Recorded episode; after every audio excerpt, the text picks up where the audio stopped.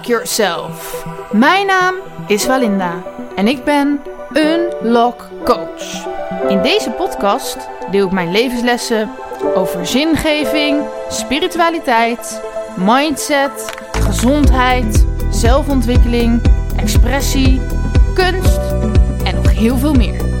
Ook interview ik inspirerende mensen over deze onderwerpen. Dus luister je mee? Ehm, welkom bij deze eh, podcast. En dit is weer een special edition met een interview met Jordi Martin. Of hoe zeg je Martin eigenlijk? Gewoon Martin. Martin. Ja, ja. En ehm, nou, dit keer eh, gaan we het ook filmen. Ehm, ik hoop dat het er leuk genoeg uitziet om dan ook later nog aan de buitenwereld te laten zien. Maar het is even onwennig voor me dat we opeens een soort eh, tv-studio hebben. Maar goed. Ja, je hebt het gezellig gemaakt hier. Ja. Welkom in ieder geval. ja. Ehm, oh ja, ik zal nog even... Nee, dat mag je zelf zeggen. Mijn eerste vraag is, en dat is eigenlijk voor, altijd voor iedereen zo tot nu toe. Wie ben je? Maar die kan je dus heel diepgaand zien of heel... eh, nou, we zijn net binnen, dus Ja. volgens mij... eh, nou, ik ben Jordi Martin. uh-huh. Eh, ik ben muzikant. Mhm. En ja, hoe diep gaan we dit maken dan? nee, ehm, eh, ik schrijf liedjes. Ik wil vooral dingen maken. En ja, en, en misschien ook dat ik daarom ook hier ben bij jou. Maar ik ben constant ook op zoek naar...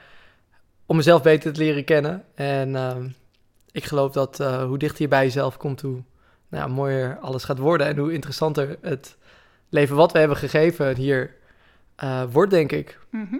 Oké, cool. Ehm, ja, dus eigenlijk heb je deze al een beetje beantwoord. Waar hou je allemaal mee bezig? Dus eh, liedjes schrijven? Oh, waar ik me allemaal mee bezig hou. nee, maar dus Ja. hoe ziet je een standaard week eruit bijvoorbeeld? nou ja, ik, ik, ben, ik heb deze coronatijd wel echt aangepakt om echt te focussen op eh, hetgeen wat ik eh, eh, het liefst doe. Mhm. En eh heb ik ook even tijd over gehad om over na te denken. En ehm, ik ben eerst gi- gi- gitaar gaan studeren op het conservatorium.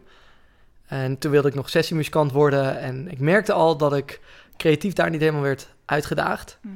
Ehm, dus gelukkig in Amsterdam wisten ze me te stimuleren om eh, ook liedjes te schrijven. Ehm, en toen is het eigenlijk begonnen dat ik toch eigenlijk wel ging dromen van... hé, hey, maar misschien kan ik dan echt optreden met mijn eigen songs, met een eigen band. Ik had al geprobeerd om in bands te spelen, maar toch was het nooit helemaal de muziek die ik zelf wilde maken. Mhm. Dus op een gegeven moment dacht ik, ik ga dat gewoon zelf doen. Ehm, en nou, vervolgens zit je nog in allemaal bands. Je, je- ik verdiende mijn geld gelukkig er al mee, maar niet per se met hetgene waar, wat ik het liefste deed. Dat, dus echt met mijn eigen muziek. Want dat was dan nog vaak met eh, coverbands. Mhm. En eh, nou, toen ontmoette ik per toeval Ed Sheeran een keer.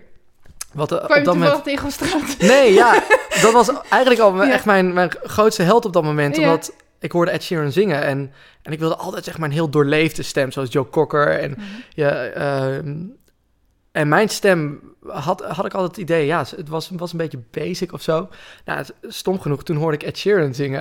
En toen dacht ik, hé, hey, maar dat is een beetje mijn timbre. Daar. En, maar hij heeft gewoon heel goed leren zingen. Dus ik was echt heel veel eh, eh, naar hem aan het luisteren, nazingen. Nou, en toen werd ik gevraagd om eh, op te treden in de Ziggo Dome in de VIP-lounge. Als een soort van opwarming voor de mensen die daar lekker nou, hun diner aan het eten zijn voor het concert. En toen dacht ik al, wat als ik hem nou tegenkom? En ik zat op de fiets en ik, eh, het ging al helemaal door mijn hoofd. En eh, ik, eh, ik ben in de backstage en ik ben extra hard mijn eigen liedjes aan het zingen. En op een gegeven moment ja, kwamen, kwamen er vijf man kwamen er binnen aan het eind van de gang. Ik kon dus nog niet per se zien wie het was. Mhm. Maar ja, ik bleef doorzingen, een beetje naar de grond kijken, eh, verlegen. en ik keek omhoog en was Ed Sheeran aan het luisteren. Ja, en dat, dat gaf mij zo'n enorme boost. Ehm, dat je zo iemand kon ontmoeten en dat Ja. die wereld er is, zeg maar. Het, het, het was niet meer eh, zo abstract als het daarvoor was.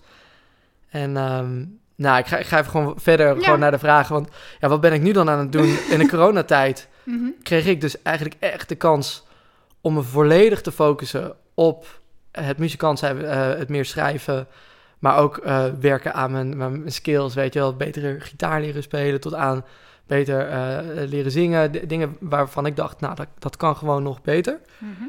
En dan ben ik eigenlijk volop gaan doen. Ook in deze, eh, ik ben planningen gaan maken en nou, ben redelijk, productief geweest. En ehm, ja, mijn EP is uitgekomen met nou ja, mijn eerste liedjes waar ik echt achter sta. Ik had al in het verleden nog ooit wel eens een keer een paar liedjes op internet gezet. Maar dit was echt, eh, hier, eh, hier eh, ja, sta ik achter. Mhm.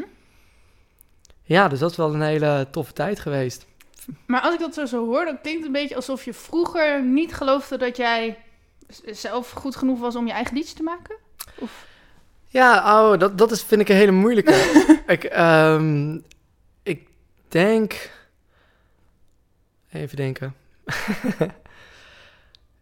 ik weet niet of ik daar toen echt mee bezig was. Mhm. Ehm, wel was...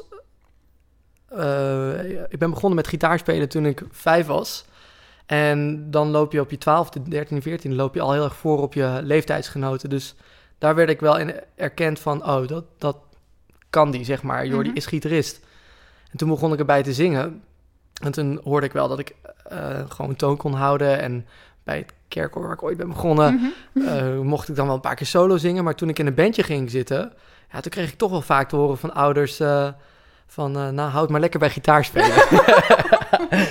Oké. En dat heeft wel best wel een deuk. Ja. Daardoor heb ik het de, een deuk opgelopen Ja. wat betreft zang. Omdat ik dan gewoon denk van, oh, daar heb ik dus niet zo talent voor. Of dat, ja, dat is iets waar ik gewoon veel harder voor heb moeten werken voor mijn gevoel. En, ehm, en nu, veel later, kom ik er pas achter dat, nou, dat je alles kan leren. Maar, maar stop er de, eh, als je er maar de energie en de tijd in wilt steken en het leuk vindt om te, om te willen leren. Mhm.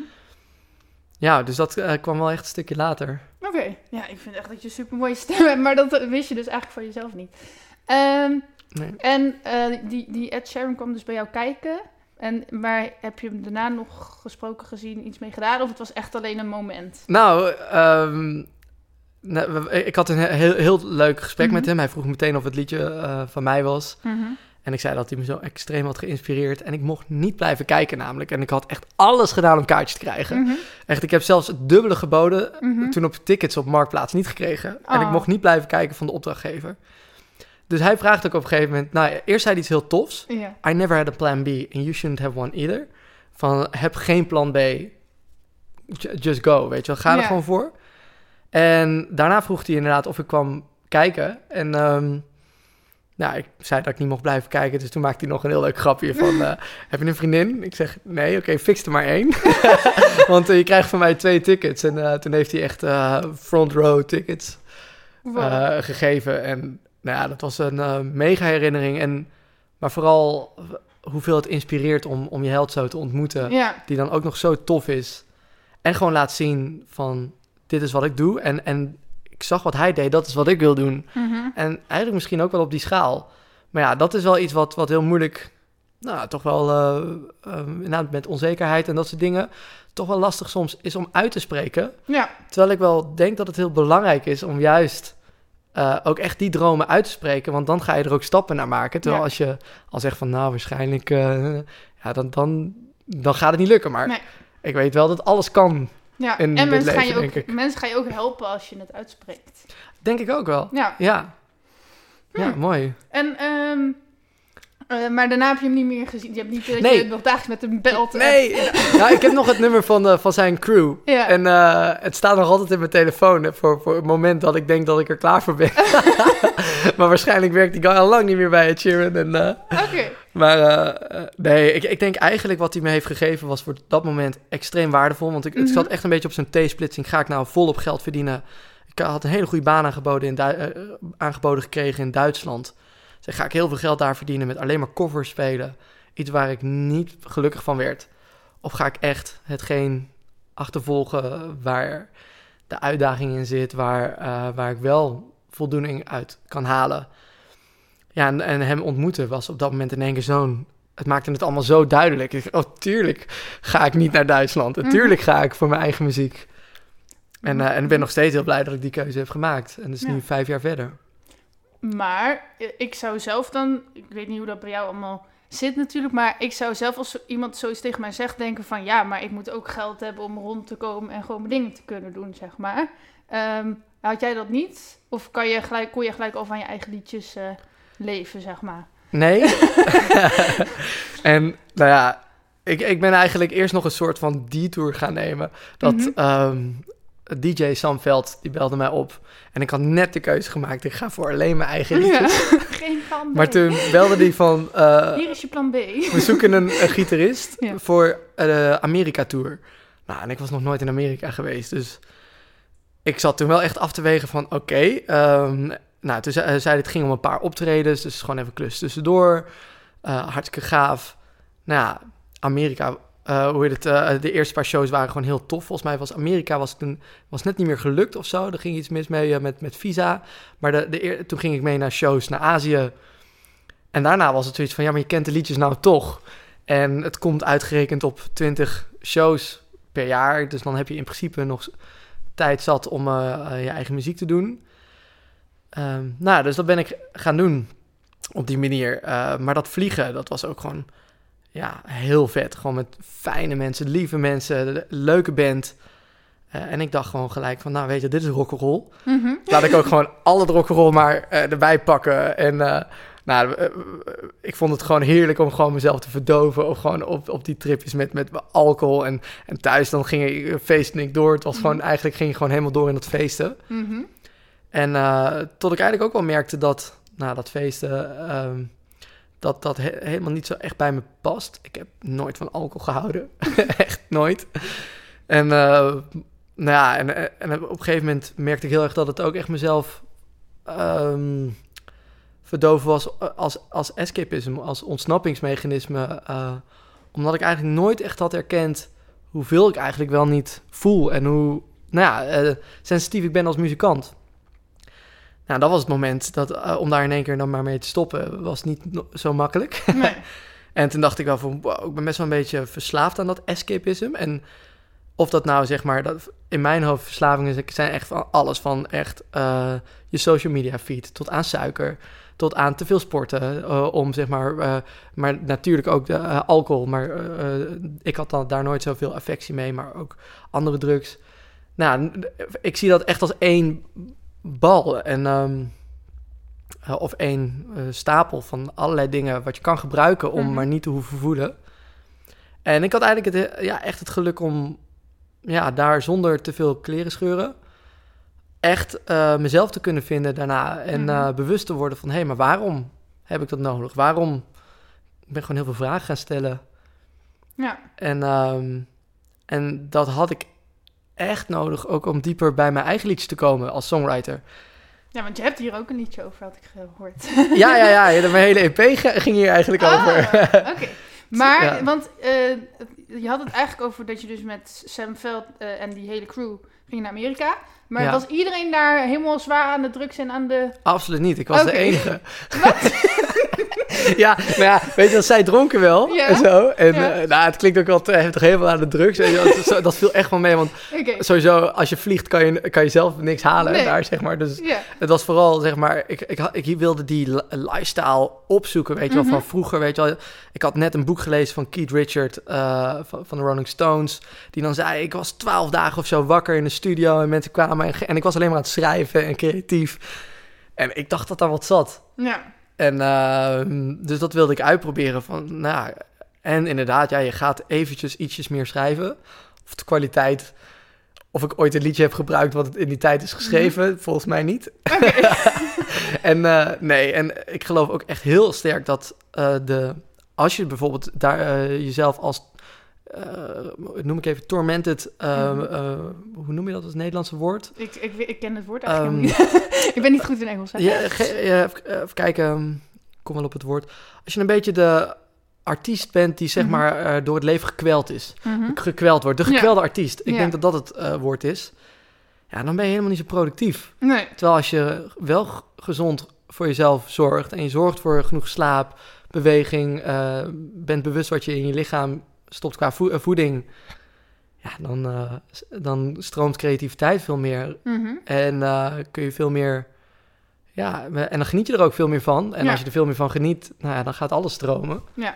En ik, mm, ja, dat weet ik dus niet zeker, maar zou het ook niet zo kunnen zijn dat de meeste van die ja, artiesten die bekend stonden, dat ze veel gebruikten, dat dat niet, dat het meer naar een poosje was, dat ze al heel lang bekend waren. Nou, een druk leven, stress en alle, allerlei dingen die op je afkomen die, waar je eigenlijk helemaal niet klaar voor was. En dat ze dan aan de drugs gaan? Of denk je dat hun altijd al drugs gebruikten? Ja, is ook weer verschillend per Nou ja, vind ik, vind ik heel lastig om, eh, om in te vullen voor heel veel muzikanten. Maar wat ik denk dat heel veel echt goede muzikanten Mhm. die eh, eraan onderdoor zijn gegaan, dat waren al hele sensitieve mensen. Ja. Die eh, inderdaad in één keer al die fame en beroemdheid, dat beroemd zijn op zich afgevuurd krijgen, wat alles vergroot.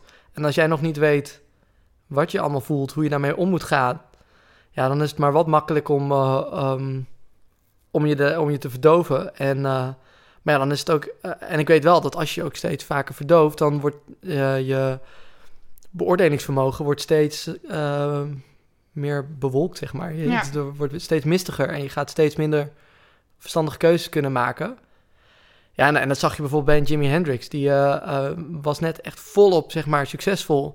En dan zat hij net in de studio, dus zijn favoriete plek, liedjes op te nemen. En dan werd hij de volgende ochtend uit zijn bed gelicht van... ja, we moeten nu weer naar New York vliegen, terwijl hij in Europa zat.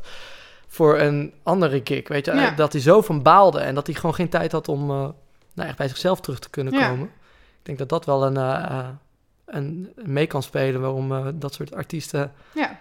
Aan de drugs gaan. Dus, dus waarom wil je eigenlijk dan dat artiestenleven? Hè? Nee, het lijkt mij ook heel fantastisch hoor. Maar aan de andere kant, hè, je komt helemaal niet tot rust. Je moet de hele tijd van daar naar daar en de hele tijd leuk zijn. En ieder, weet je, dus waarom verlang je daar dan toch naar? Oh, nou ja, kijken. Ik denk dat je de veronderstelling doet dat je geen rust hebt. Ik, misschien is dat ook wel zo. Als, als Ja. die trein gaat rijden, Ja. eh, dan gaat hij ook rijden. Dat Mhm. heb ik ook wel echt mee. eh, dat hoor ik ook wel vaker. Mhm. Maar en je hebt op zich ook al wel, je bent nog niet wereldberoemd, maar je hebt Nee, natuurlijk dus- al wel wat ervaring. Maar voor- en daar ben ik heel blij om. Ik denk als hij Mhm. nu zou gaan, gaan rollen, zou ik mijn grenzen beter aan kunnen geven. Ja. Je ziet ook bijvoorbeeld bij Navici, weet je wel, die Mhm. echt eh, Ja. zo bekend werd en nog niet zijn eh, eigen gezondheid eh, kon prioriseren. Mhm. Ja, dan ga je echt stuk. Ja. Ehm, dus ik denk dat, ja, dat, dat, dat, dat het beter is om eerst jezelf te leren kennen en dan, Mhm. dan weet je ook waarom doe je het. En dat is dus eigenlijk echt de vraag van, in de coronatijd werd ik toch ook wel even met de neus op de feiten gedrukt van, eh, ja, daar is geen inkomen nu. Ja. En eh, hoe gaat dat verder? En moet je nog wel eh, dit willen blijven doen? En dat ik op een gegeven moment echt allemaal dingen. Ik, ik hou van echt heel veel opschrijven. En Mhm. ik zat een avond alles op papier te zetten wat ik niet leuk vond aan het muzikant zijn. Mhm. En dat was echt behoorlijk wel wat, zeg maar. Oh, ik ben heel benieuwd. Maar ja. nou ja, maar het allermooiste daaraan vond ik dat geen seconde kon één van die dingen die ik benoemde Mhm. ehm, het gevoel, zeg maar, te niet doen wat ik krijg als ik met eh, ehm, vrienden op een podium sta of zelf op een podium sta waar het echt stroomt, wanneer je echt magie erva- ervaart en die, die connectie er is. Mhm. En ik denk dat ik er best wel over na ben gaan denken van wat gebeurt er nou als je als artiest op een podium staat is. eh, eh, hopelijk kom je dus in een soort flow, zeg maar. Ik geloof best wel dat we ook frequency hebben, zeg maar, dat we een frequentie hebben. En, en volgens mij groeit die echt als je iets doet met liefde. Mhm. Eh, dan stijgt die. En wat het echt het mooie is, wat de artiest op een podium kan doen, is door mensen te betrekken daarbij. Het is alsof je, eh, jij stijgt op, want je Mhm. zit echt helemaal in je element. Mhm. En je kan een soort van hand uitsteken van, hey, me mee. nou ja, maar echt. En, en dat vind ik zo'n bizar mooi eh, fenomeen. En ik heb dat ook vaker gemerkt, dat je echt helemaal in die eh, bubbel zit. Ja. En dat iedereen daar is. Ja. En ja, dan ben je helemaal vrij. Mhm. Cool. Ja. En, eh ja, ik zit nu even... Oké, en wanneer... Want je ging dus naar Amerika, je ging al die drugs gebruiken en... Of, ja, Nou, zo, van- nee, maar nee, zo zei je het een beetje. Nee, nee, nee, absoluut niet. Nee, ik was echt niet van alle, alle drugs. Ik, ben- ik ben echt sowieso niet maar je van- ging wel een beetje rock en roll leven meer. Ja, En ho- Ja. hoe lang ging je daar dan nog mee... Of wanneer kwam zeg maar het punt dat je dacht... Hé, hey, dit is niet wat ik wil. Dus we, gaan, we gaan je nu niet neerzetten als verslaafde. Het viel dus uiteindelijk wel mee. Het was meer een soort experiment. mee. Ja, was echt een paar weken. Ja. En eh, het was echt letterlijk ook experiment trouwens. Want ik zei het tegen vrienden ook van Mhm. mij. Van, hé, hey, ik ga het twee maanden even proberen. Gewoon elke dag kijken hoe, hoe ik me dan voel, zeg maar. En eh, wat er gebeurt. En word ik creatiever en zo. Mhm. Nou ja, dat werkte ze eigenlijk gewoon niet. Want, eh, want ik was ook nog zo van... Ik zei, verslaafd, zei, wat een bullshit. Dan heb je gewoon geen wilskracht. En, Mhm. En dat was ook het grappige. Na die twee maanden eh, eh, merkte ik dat ik gewoon na tien dagen gewoon weer mezelf was. En zei ik, zie je wel, er is niks aan de hand. Alleen later, een half jaar later, werd ik in één keer weer getriggerd. En toen merkte ik dat ik weer heel erg veel drang had om zoiets, Ja, weer, om die li- lifestyle weer op te pakken. ja. En eh, wat ik toen ook even deed. En toen had ik er veel minder controle over. En dan schrik je wel even en denk je, oh shit, dit is echt eh, gevaarlijker.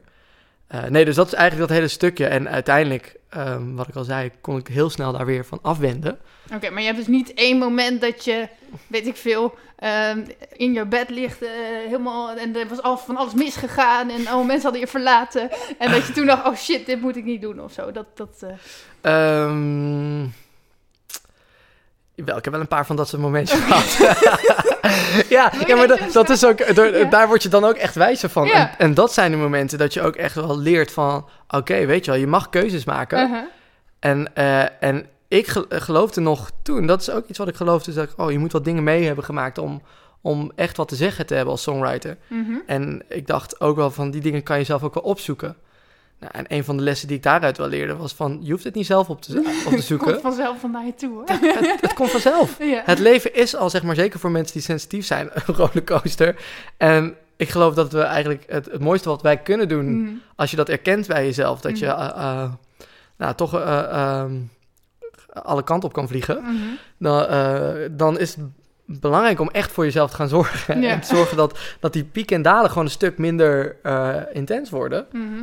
Ehm, ja. Ik herken echt veel van mezelf hier. dat hadden wij al eerder gemerkt. Oké, ehm, ik heb niet twee maanden aan de drugs gezeten. Ehm, Heel goed. Ik raad het ook niemand aan. ja, dan ga ik even... Naar, ik heb nog helemaal niet naar mijn vragen gekeken. Goed, hè? ja, heel, heel erg.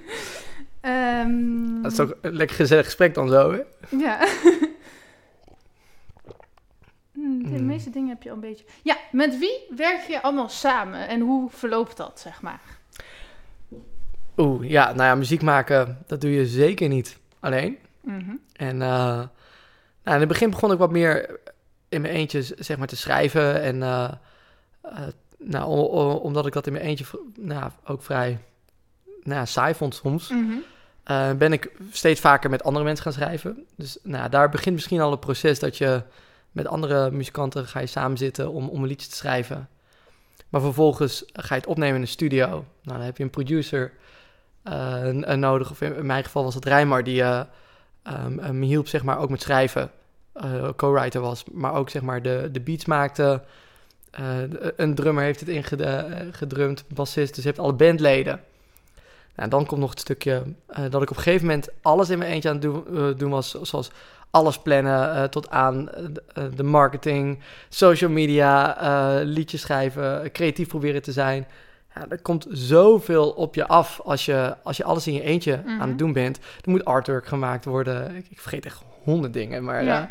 ehm, nou, toen ben ik eigenlijk wel op, op zoek gegaan naar iemand ehm, die me daarmee kon helpen. Ehm, en toen kwam ik eigenlijk ook bij mijn manager, Danny. Echt, eh, dat was eigenlijk de eh, videograaf, eh, fotograaf van Sam. Mhm. Ja, altijd super goede klik mee gehad. En nou, die is nu echt bij mij aan het mee gaan bouwen. Nou, en hij is al een goede videomaker. Dus dat was ook echt een skillset die hij meebracht. Ja, Maar het klinkt bijna alsof je al die mensen al om je heen had. Was het moeilijk om aan die mensen te komen? Ehm, ja, ik denk dat het. Ja, ik denk, ik denk dat je ergens actief op zoek mag gaan, kan Mhm. gaan. Maar alle mensen die op mijn, die, waar ik mee samenwerk, Mhm. daar ben ik eigenlijk niet echt per se actief op afgestapt. Dat was, dat Nee. gewoon zo gegroeid. Dat dat, eh, eh, of dat je e- één keer iemand spreekt, die zit dan on top of your mind. En dan bel je hem, hey, ik heb een gig hier, wil je, wil je meedoen? En dan klikt dat en dan eh, blijft het plakken. Mhm. En, eh, en ook wel dat je een keer meemaakt dat je iemand eh, uitnodigt en eh, dat het niet zo klikt. En dat, dat je dat dan weer verder gaat, weet je wel. En, Ja. de- ik denk ook dat je gewoon moet beginnen. En je gaat optredens doen. En, en je hebt voor ogen, hoe kan ik dit het tofste doen? Mhm. En nou, ik vind het wel erg leuk om met, met band te spelen, andere muzikanten, omdat je dan die interactie hebt. Ja, en dan ga je dat proberen waar te maken. En dan oh, blijven de mensen plakken die, die moeten blijven plakken. En, Mhm. en de rest, ja, die eh, vindt een andere weg. En dan eh, zoek je weer verder. Maar heb je dan Ja. ook wel eens een soort van mensen moeten ontslaan omdat het niet ging zoals jij het wilde? Nee. Oké. Ja. nou, ik heb wel eens gewoon het gevoel gehad van, nou, de- deze klik was er niet helemaal. En dan, dan, maar dan, ik denk dat dat het ook eh, het mooie is aan, aan eh, het vak als muzikant. Je mag Mhm. zelf kiezen met wie je graag muziek maakt. Ja. En, eh, en ik denk ook dat het heel belangrijk is om dat, dat, om dat te doen. En eh, het is belangrijk voor iedereen dat hij op zijn plek zit. En als, als je niet helemaal voelt dat iemand op zijn plek zit, dan, eh, ja, dan, dan is het denk ik het allerbest voor iedereen om te zeggen van, nou, het klikt niet helemaal, maar eh, super tof gast. Mhm.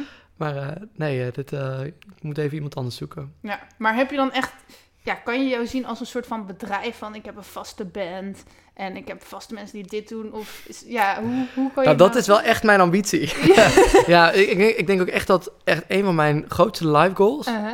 is dat ik een, eh, ehm, gewoon lekker kan toeren, zeg maar. Mhm. ehm, en dat ik een vaste crew kan betalen. Ja, Want dat is nu gewoon nog ja, het feit dat ik nog geen geld verdien met mijn muziek. eh, met muziek en dat ja, ik nog steeds af en toe die cover eh, dingen doe om zeg maar, mijn eigen muziek te eh, supporten. Financieel, ja, dat, dat, ehm, zorgt er gewoon voor dat ik eh, af en toe wat creatiever moet zijn. ja, En weer favors moet vragen. Nou, en ik zou het echt fantastisch vinden als ik een vaste geluidsman heb, als ik een vaste lichtman eh, man heb, vaste band. En dan echt samen kan repeteren. Want als je honderd shows samen hebt gespeeld, dan, Mhm.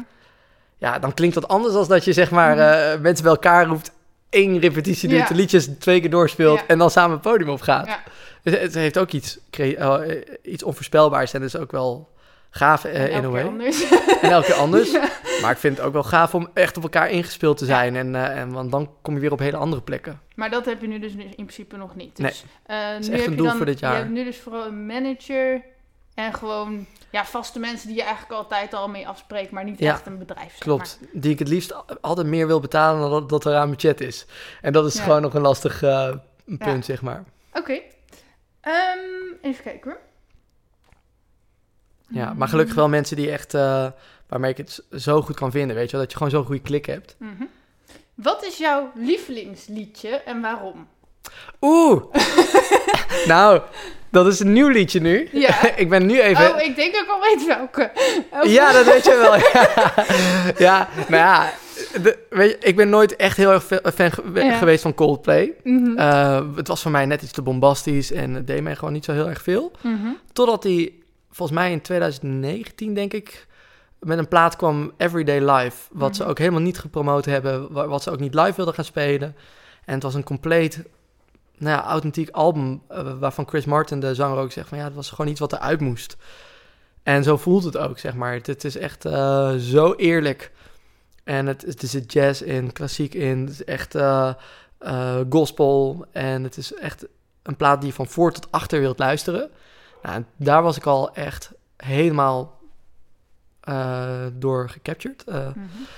en nu kwam, kwam hij met zijn eerste single uit, die hij samen met Max Martin. Eh Coldplay kwam met zijn nieuwe single uit, die die samen met Max Martin dus. Nou, Max Martin, voor de mensen die die naam nog niet kennen, is de allergrootste songwriter eh, op aarde.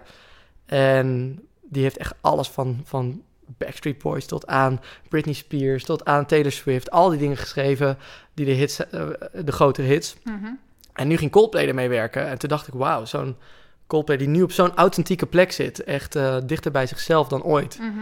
En dan met, met zo'n producer die echt een, een, eh, heel veel kennis heeft over ook de, het craft songwriting. Mhm. Want dat is het uiteindelijk ook nog steeds een... eh, het is gewoon echt een craft.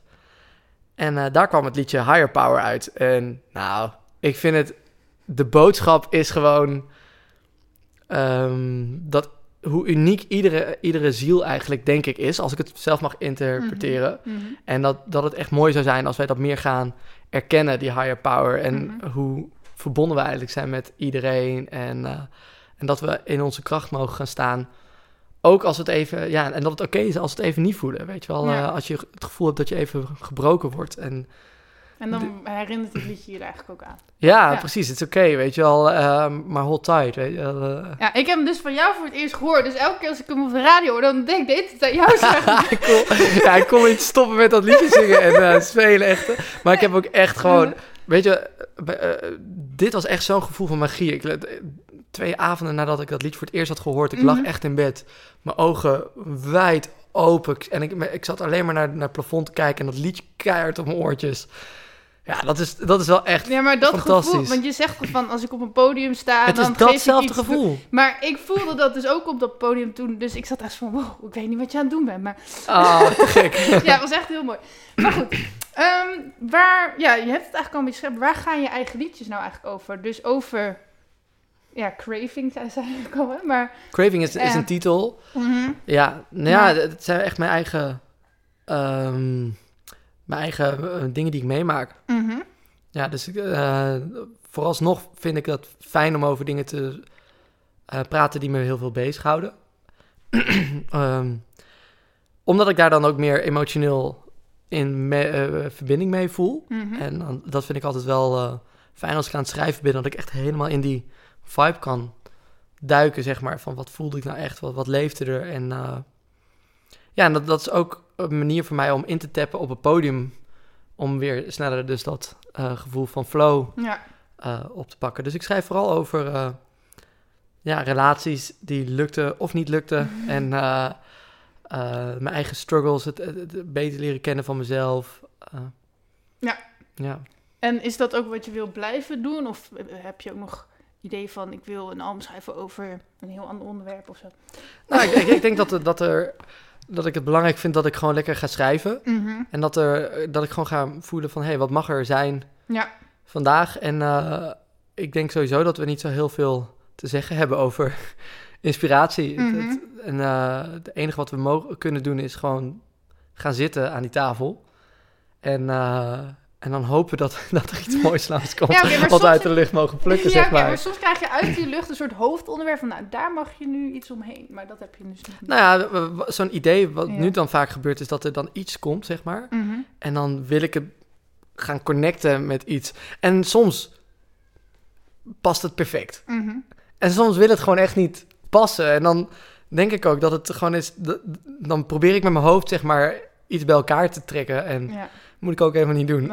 terug moet ik gewoon mezelf eruit ha- weer tussenuit halen. Ja. En, eh, en gewoon weer kijken van... Hé, maar wat, wat mag er opgeschreven worden? En eh, Cool. ja...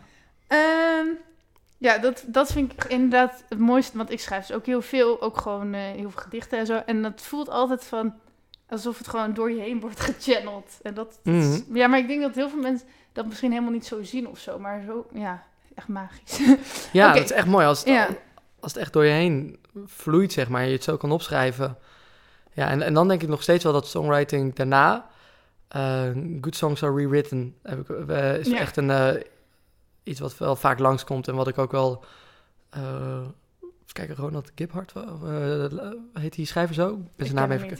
Maar zag ik laatst in, in een masterclass Mhm. trailer en die zegt ook inderdaad... Herschrijf, herschrijf, herschrijf. Ja. Dat is denk ik wat het is. Ja. Eerst ga je het gewoon, gewoon downloaden of zo snel mogelijk opschrijven, Ja. denk ik. En ik denk dat, het, dat je daarna gaat kijken van... Hey, hoe, maar hoe kan ik het nog net mooier zeggen? Of dat het net wat dieper resoneert. ja, en soms voelt het ook wel weer, als ik dan, in ieder geval met gedichten dus... Van dat het echt precies zo moet zoals ik op dat moment ontvang, zeg maar. Dat dat gewoon Maar dan voelt het goed, hè? Ja. Ja, ja maar dat is toch weer de, gewoon je hart daar weer Ja. over laten spreken. Als het goed voelt, voelt het goed. Ja. Alleen met Ja. liedjes is- heb je toch wel meer te maken met, over het algemeen, dat je er meer structuur in brengt en zo. Ja. Ik schrijf ook altijd met Theo, die daarachter zit. Ah, en die de- zegt ook heel vaak, schrijf, schrijven is schrappen. Ja, ja, ja, dat denk ik ook wel, ja. ja. Ehm, Oké, welk liedje van jezelf vind jij het leukst? Eh, of ja, leukst, ehm, misschien is die wel heel depressief, maar wat is je favoriet en eh, wat voor boodschap zit er in dat liedje? Oeh. Ja, ik heb wel een favoriete. Ja, al zijn het ook net kindjes. Dus je mag volgens mij wel geen favoriet Ja, maar ze horen toch niet van elkaar, denk ik. Nee, dat hoop ik. Ja, ja. Nee, ja, ik, ik heb een liedje One Day. Wat echt een soort van. eh, ja, ik, ik, ik, zat, ik zat in best wel echt een eh, hele intense relatie. eh, anderhalf jaar geleden, denk ik. En eh, was ook behoorlijk toxisch voor mij. Ik, ik liep echt met wallen tot onder mijn oksels. ik was op een gegeven moment kapot. Ja, en. Eh, en nou, dat, je- voordat je echt uit een plek stapt, zeg maar, dan, Mhm. dan ja, denk je wel goed na over. eh, of dan voel je zeg maar constant zeg maar van is er niet iets nog om het te redden of wat dan ook.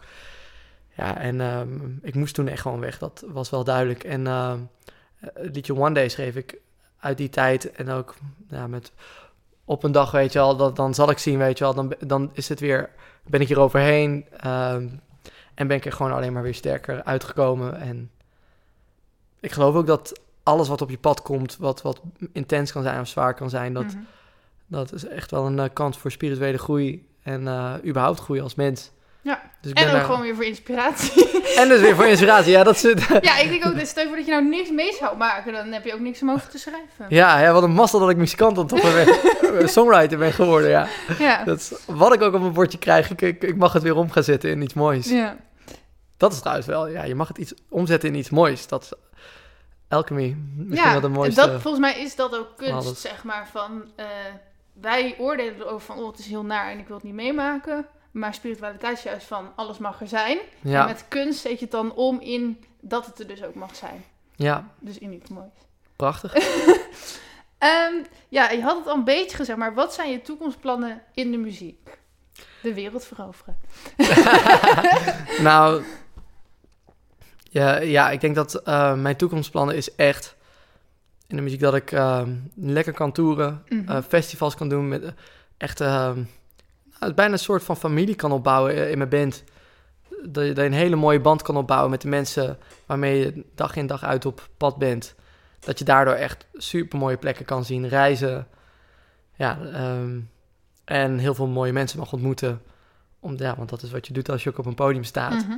Wellicht, ja, ik denk dat, dat de mooiste versie in die zin van mezelf is dat, dat ik daar gewoon volledig eh, als mezelf kan staan. En eh, ja, misschien mensen ook kan inspireren. Misschien ook weer zoals Ed Sheeran doet. Mhm. eh, Of heeft gedaan bij mij. En nog steeds doet. Dat ik dat ook weer voor anderen kan betekenen.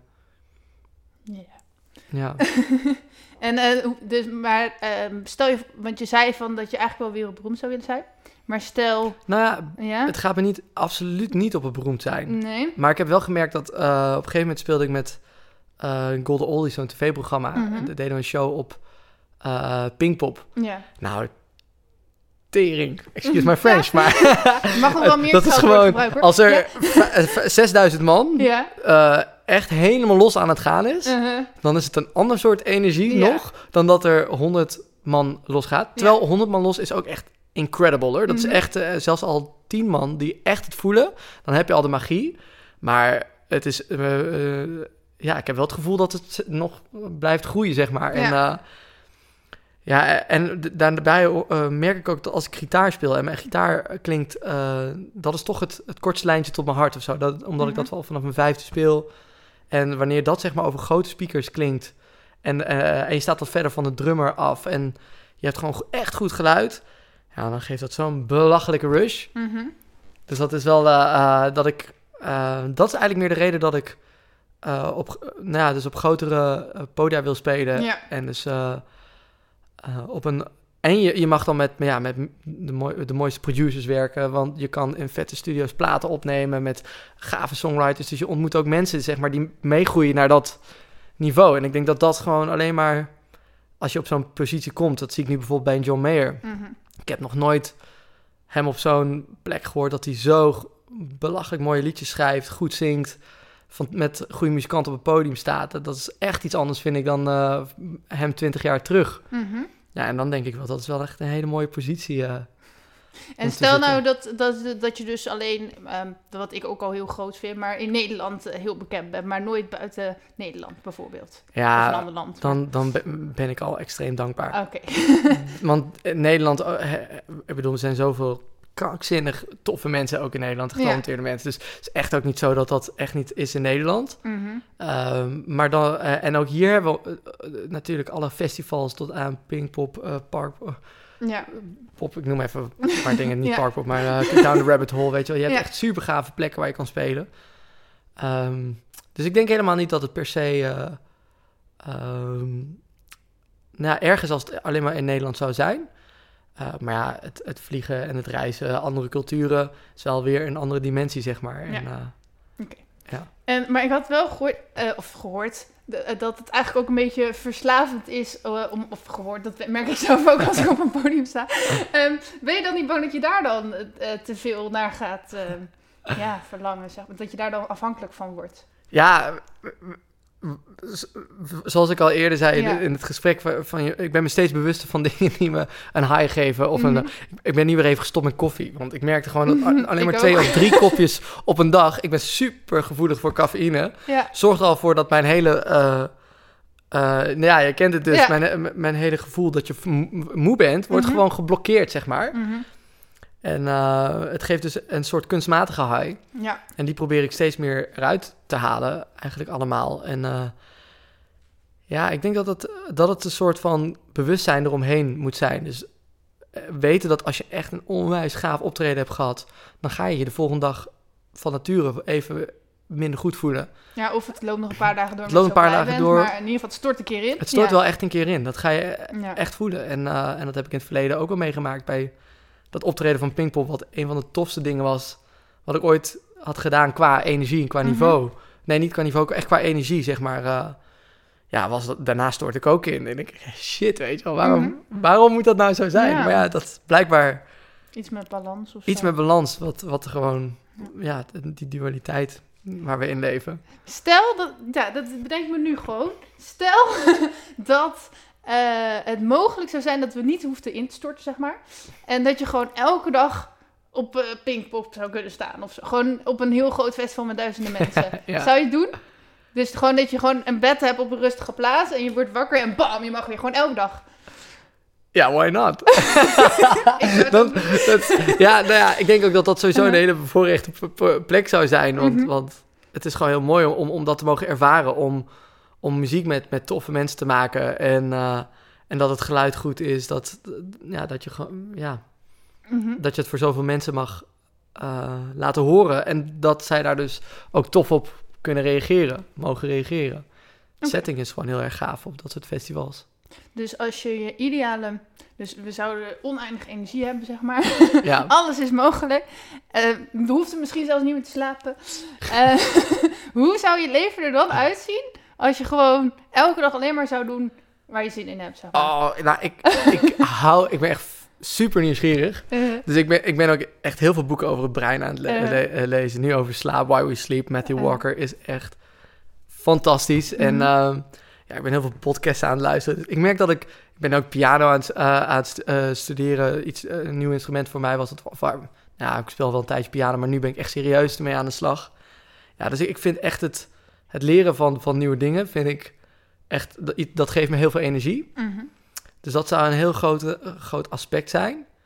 Eh, ik vind echt in de bergen wandelen, naar mezelf sportief uitdagen eh, in de natuur, dat is iets waar ik echt tot mezelf kom. Mhm. Dus dat, dat zal, zal zeker ook een, Mhm. een grote rol spe- spelen. Ja, voor de rest is het inderdaad met vrienden gewoon heel veel muziek maken en optreden. Oké, dus je houdt ook nog wel van rust, gelukkig. Oh nee, ja, ja. nee, ik, ik, ik hou heel erg van rust. Ja. Ja. En nou, ik, ik, ik ben ook wel echt eh, gaan mediteren vanaf, eh, ik denk, de vierde van conservatorium. Dus inmiddels al denk ik een jaartje of eh 7, 8. En ik denk dat er weinig dingen zijn die zo'n mooie impact op mijn leven hebben gehad als gewoon dagelijks even stil gaan zitten. En even zijn met, eh, nou ja, met niks. Althans, dat is de bedoeling. En, ehm, want stel, er luistert nu iemand en die denkt, nou, ik mediteer nooit, ik of ik heb het wel eens geprobeerd, maar er is eigenlijk helemaal geen bal aan. Wat vinden mensen nou zo fijn aan mediteren? Ehm, nou ja, even kijken. Als je het geen bal aanvindt. Even kijken, ik denk dat, dat, dat, dat ze het even moeten proberen om het korter te maken. Dan hebben ze het in hun hoofd van... ik Mhm. moet op een bepaalde manier gaan zitten en... eh, eh, en het moet 20 minuten of 25 of Mhm. misschien wel een uur. Zeg ja, nee, dat is echt... eh, ik weet nog dat ik in het begin begon... dat mijn been echt volop in slaap viel... en dat ik echt zo hard aan het struggelen was om, eh, met, me, met hoe ik zat. Mhm. Ja, en dan, dan schiet het misschien zijn doel daarin voorbij. Eh, nu erken ik wel van als ik zeg maar op een meditatiekussen zit en rechtop zit, dan Mhm. neem ik een soort van verantwoording voor, voor mijn houding, voor, eh, voor mijn leven. En ik denk dat dat een heel mooi ding is. Dus het, het, het signifies iets moois. Ja. Het staat voor iets moois. Maar eh, als je gewoon begint, begin gewoon lekker, lekker rustig. Ervaar hoe het is om even keihard te ontspannen. Mhm. En ik denk dat dat een soort van... Nou, wat er ook gebe- gebeurt is dan endorfines worden vrijgemaakt. En dan merk je hoe fijn dat is. En dan ga je mediteren met iets prettigs. Als even een momentje voor jezelf. ervaren. En als je op een gegeven moment daar wat meer routine in krijgt en wat vaker gaat mediteren, nou, dan ga je je steeds bewuster voelen van wat voel ik nou in mijn lichaam? En eh, wat denk ik nou allemaal? En waarom denk ik dat? En, eh, en ik denk dat dat echt een, heel, echt een hele mooie brug gaat zijn uh, jezelf beter te leren kennen. En als je jezelf beter weer leert kennen, dan ga je banen vinden die beter bij je passen. Dan uh, ga je op een gegeven moment steeds meer doen wat er echt, wat je hart je ingeeft. Ja. En ik denk dat dat voor iedereen Mhm. beter gaat zijn. Ja. Want nou, ik heb echt wel ooit eens een keer in een uh, retraite een uh, ademhalingssessie gedaan, waar ik echt heel sterk, zeg maar, wit licht, zeg maar, van boven naar, door mensen Mhm. heen zag komen die iets deden met liefde, zeg maar. Het was gewoon een soort uh, iets wat ik in mijn hoofd zag. En um, of om, om het niet te, Mhm. te zweverig te maken voor mensen. en ze maar, op. Nee. Ja, ja, ja, nee, maar echt, uh, er was bijvoorbeeld een, kok die alles met zoveel liefde klaarmaakte Mhm. daar. En alles veganistisch. En die had daar zoveel passie voor. En dan zag ik gewoon daar zoveel licht, zeg maar, uh, in zoveel positieve energie om, Mhm. vanaf komen. En hetzelfde voor de, de vrouw die die retraite gaf. Ja, en ik heb dat denk ik ook als ik op het podium sta. Dan komt er een bepaald soort energie vanaf. En uh, ja, misschien was dat dan voor mij toen zichtbaar. Omdat je in zo'n ademhalingssessie kom je wat dieper in uh, bij jezelf, denk ik. Of, uh, um, en nou ja, maar dat is dus echt wel een... dat verspreidt je. Ja. En dat is voelbaar voor mensen. Mm -hmm. Dus ik denk dat het echt belangrijk is dat mensen zichzelf ja. leren kennen. Toen ik ooit begon met mediteren, ik weet niet meer wanneer dat was eigenlijk, maar in ieder geval, dan, dan ging ik zo zitten, maar mijn hele lichaam was dan helemaal gespannen, weet je wel. Ja. En nou, je gedachten, mijn gedachten gaan echt nog steeds uh, alle kanten op en duizenden gedachten tegelijk. Dus dan zit je rustig, is. ademhalen, rustig, weet je. En ik dacht, nou, het werkt niet. Maar Ja. nu ik ongeveer een jaar yoga doe, eh, Mm. en pas bij yoga voelde ik van, ah, dit is wat mensen prettig vinden aan mediteren. Ja. Dus dat je eerst wat bewegingen maakt en dan pas echt gaat zitten of liggen, zeg maar. Oh, dit is volgens mij echt een supergoed punt. Want Uh-huh. uh, je lichaam is natuurlijk... Uh, nou ja, je hebt een bepaalde... Uh, je hebt de mind misschien, maar je hebt ook Mhm. uh, je lichaam. je hebt het hart, je hebt verschillende facetten. Ja. Je maag geeft dingen aan. Maar ik, hoorde laatst ook wel eens... Van, ik weet niet meer waar ik dat heb gehoord. Oh ja, Tijn Tauber. Uh. Dat is echt een hele toffe uh, leraar, zeg maar, uh, op uh, YouTube, Facebook. Wel eens gehoord, elke ja. dag post een heel tof filmpje. Mhm. Maar zij vraagt het eens aan je lichaam. Wat heeft het nodig? Nou, nou als dat wat meer beweging is in de vorm van yoga, yoga Mhm. dan, um, dan gaat het op die manier stromen. Ja. En dan zeker dan die shavasana op het eind. Ja. Dat is ook volledige meditatie, Ja. zeg maar. Terwijl alles stroomt. En toen voelde ik voor het eerst eigenlijk van, oh ja, het voelt net alsof ik op vakantie ben of op de Ja. camping of zo. Ja, en voor sommigen is het wandelen in de Ja. natuur, weet je wel. Ja. In de bergen, voor mij is dat ook, ook heel meditatief. Mhm. Dan kom ik ook echt in die uh, plek. Ik moet dan wel heel lang wandelen, wil dat echt. Ja, dan, moet ik ook, dan wandel ik ook lang. Dan, dan begin ik echt uh, om, om 7 uur en dan kom ik om 4, 5 uur. Smiddags kom je bij het volgende plek aan, zeg maar. Dus dan loop je inderdaad een hele dag. Ja. Maar dat is heel erg van A naar B. Je voelt je echt heel fit, helemaal in de natuur. Dat zijn inderdaad ook... Ja, maar ja, het- wat Mhm. ik weer meer wil zeggen is dat iedereen daar eh, Zijn eigen manier in. zijn eigen manier in moet vinden. Ik zat trouwens ook nog, je zei dus, dat hadden we niet op de podcast gehoord, maar dat je de laatste tijd een beetje moe bent, de afgelopen dagen. Ja, En ik dacht misschien- opeens, misschien komt het omdat je met koffie bent gestopt. ja dat, is, dat had ik zeker ook bedacht. eh. Ja, dat, dat dat ermee te maken kon hebben. En ja, ik denk dat koffie dus echt wel... eh, nou ja, dat weet ik ook wel. Cafeïne Mhm. blokt, blokkeert zeg maar de bepaalde st- stukjes in je brein... wat mhm. registreert dat je moe bent. ja. En cafeïne blijft 12 uur ongeveer zeg maar in je lichaam, Ja. eh, gemiddeld gesproken. En dan denk ik dat het bij mij, omdat ik er zo gevoelig voor ben, ja, nog best wel eens langer zou kunnen blijven hangen. Ja, en, en, en ik dronk maar drie kopjes op een dag. Ja. Maar dat betekent wel dat je de hele dag door niet echt signalen krijgt Dat je moe bent. dat je moe bent. En uh, nou, toen ik stopte inderdaad, nou, ik was om één uur thuis, dus, uh, smiddags, sorry. En, uh, Mhm. en ik had 's ochtends lekker gesport en ik was bezig geweest en ik was zo moe en ik ben gewoon gaan slapen. En ik heb gewoon nog even drie uur geslapen. En s'avonds zou je denken dat je s'avonds minder slaapt. Mhm. Nee hoor, s'avonds om 11 uur sliep ik weer als een roos. Want hoe lang ben je er nu mee gestopt met koffie? Ja, eh, ik, heb een tijdje, heb ik denk een paar maanden geen koffie gedronken. Mhm. Toen begon ik gewoon weer, eigenlijk zei ik eh, alleen als ik bij anderen kom. Maar ja, je komt nogal vaak bij Ja. andere mensen over de vloer. dus dat, dat werd op een gegeven moment dus gewoon twee koppen koffie, drie koppen. En daar is echt niks mis mee. Nee. Alleen merkte ik voor mezelf Ja. dat ik dus dichter gewoon... Ik wil gewoon luisteren naar mijn lichaam. Als mijn lichaam aangeeft, je bent moe, dan wil ik dus eigenlijk ook gewoon die rust Ja, ik, pakken. Mhm. ik heb een keer gelezen dat je van koffie dat het ook antidepressief werkt. En ik voel me dus eigenlijk ook altijd blijer als ik koffie drink. Ja, Alleen, ik word ook heel gestrest en opgefokt. En, en ik voel me altijd heel mannelijk. Dus hoe meer ja, koffie, ik drinken. drink, hoe meer ik zo... De wereld aan kan. nee, maar het schijnt ook echt dat je er, ehm hoe heet dat, testosteron van aanmaakt. Oh, dat geloof ik best. Ja, dus. Ja. Maar in ieder geval, ik ben dus ook sinds vier weken denk ik, nu gestopt met koffie. En ik ben ook heel moe, dus wel.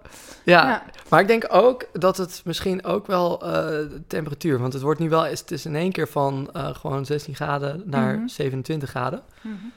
Ehm, dus ik denk dat dat ook nog eens meespeelt. Ja. En ja, ik, ik, ik weet het ook niet, maar ik ben iets fanatieker nu weer gaan sporten, omdat sportscholen nu weer net open zijn natuurlijk. Dus nu is het ook gewoon weer eh, vijf dagen in de week eh, jezelf uitdagen in de ochtend. Oeh, hoe lang ga je dan?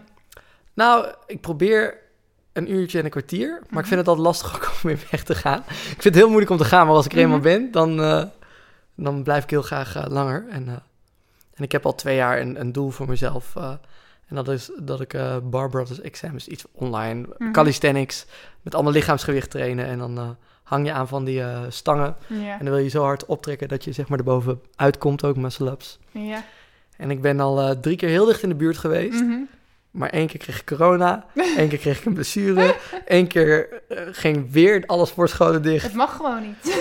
Ja, telkens als ik er echt bijna ben. En eh, dus nu ben ik gewoon weer volop. eh, en ik hoop echt dat de sportscholen nu open blijven. Dat ik dit doel dit jaar. Want je moet jezelf gewoon ook wel uit Ja. blijven dagen. Maar je hebt niet, niet een doel van, oh, ik wil, ik, ik heb geen idee hoe het er online is, maar je wil, ik wil een sixpack of zo, dat heb je niet. Het is echt een doel van wat je wil kunnen. Nee, nou, wat ik wel echt Ja. super mooi vond.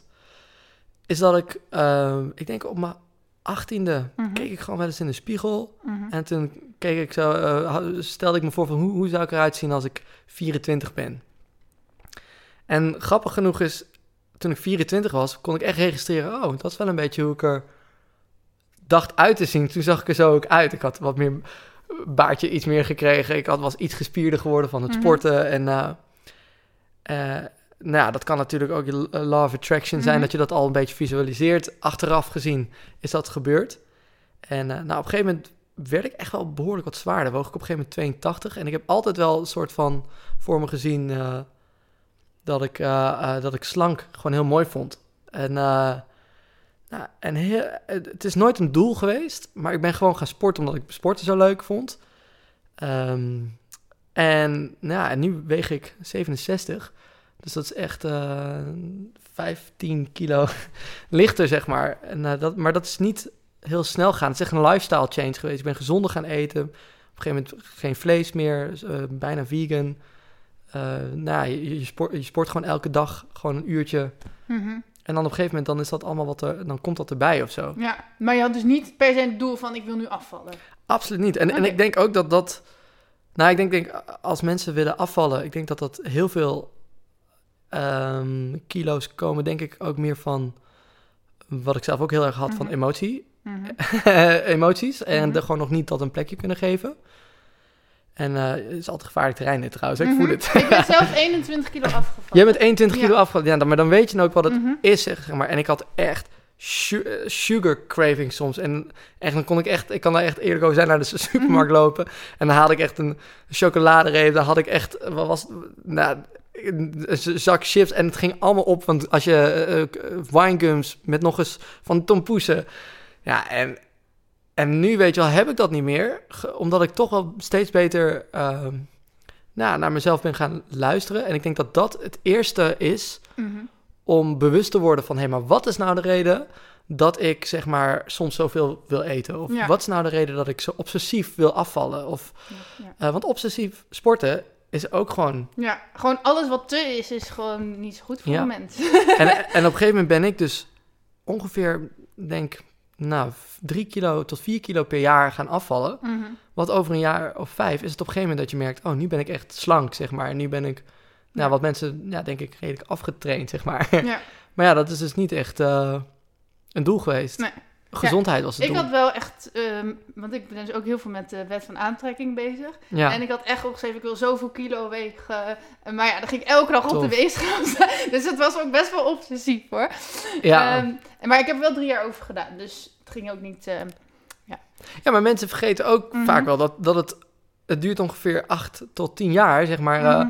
aan, on- eh, aan een lifestyle, zeg maar, om zeg maar ook vaak 15 kilo zwaarder te worden of 22 Ja. kilo, zeg maar. Dus ja, echt niet ook niet eh, is- of zo. is meestal niet dat Nee. mensen denken, oh, ik heb echt een... Nou, dat denken ze, soms, dat dacht ik althans soms wel. Ja. Ik heb nu echt superveel gegeten, ik ben in één keer anderhalf kilo zwaarder. Ja, dat is echt niet zo. Nou dan is het misschien wel vol. dat je even zwaarder bent, maar dat is dan de dag weer. Exact, Ja. het, het, eh, terwijl... ehm, echt, ja, dat afvallen, dat, dat mag ook gewoon lang duren. Dat mag gewoon vier, vijf jaar duren.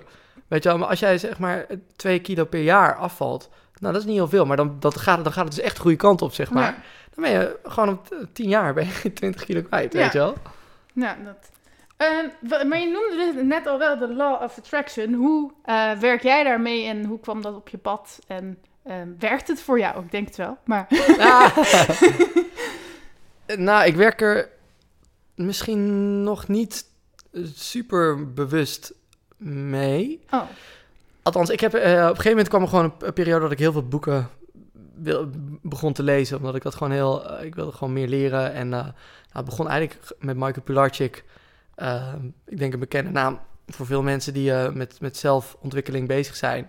Nou, en dat gaf me gewoon een soort van tweede opvoeding. Dat ik Mhm. echt, wat ik daar allemaal wel niet hoorde en leerde, was bizar. En dat ging, in eerste instantie ging dat met Pot zijn podcast. Dus wel Mhm. heel tof, ook via een podcast. mhm. En die heb ik toen allemaal verslonden. En toen begon ik aan zijn boek, Master Your Mindset. Nou, toen kwam ik Tony Robbins tegen, te- eh, Think and Grow Rich. Nou, En dan, allemaal, ja. ja, en dan komen al, al die boeken ko- Mhm. komen na- eh, naar voren en, je- en je gaat ze lezen. En het komt dus allemaal langs. En eh, uiteindelijk vormt het een soort van bewustzijn dat al mijn gedachten, zeg maar, mijn realiteit vormgeven. Ja. Wat ook stressvol is trouwens. Want Ja. als je in één keer denkt van... Oh kut, ik zit nou niet lekker in mijn vel of het werkt. Dat ga ik nu allemaal wel niet aantrekken. Mijn leven loopt helemaal denk, dan niet. krijg ik straks een ongeluk. Ja, ik Ja. trek het zelf aan. Ik ben zelf verantwoordelijk. Ja. Ja, dat, dat, is, dat is de hele andere kant. Ja. En eh, ehm, wat ik heel erg geloof is dat ehm, positieve energie, zeg maar... Dat is, dat is wat we proberen, zeg maar, eh, bij te dragen, zeg maar. En als je dus, wat ik al eerder zei, iets doet met liefde... Dan, dan eh, eh, zet je iets om eh, in meer positieve energie. Mhm. En de law of attraction, even kijken, is denk ik echt een heel mooi ding om, om, om zeg maar te visualiseren van hey, dit is mijn mooiste versie. Dit is hoe ik het voor me zie. Zeg maar, op deze manier kan ik het meeste geven, misschien wel. En, eh, ehm, en, en ik denk dat dat zeg maar elkaar versterkt. Mhm. Ik ben het zelf ook aan het zoeken. ja, dus hoe ik het zelf echt gebruik, is dat ik echt wel af en toe een keer mediteer en mezelf visualiseer Ja.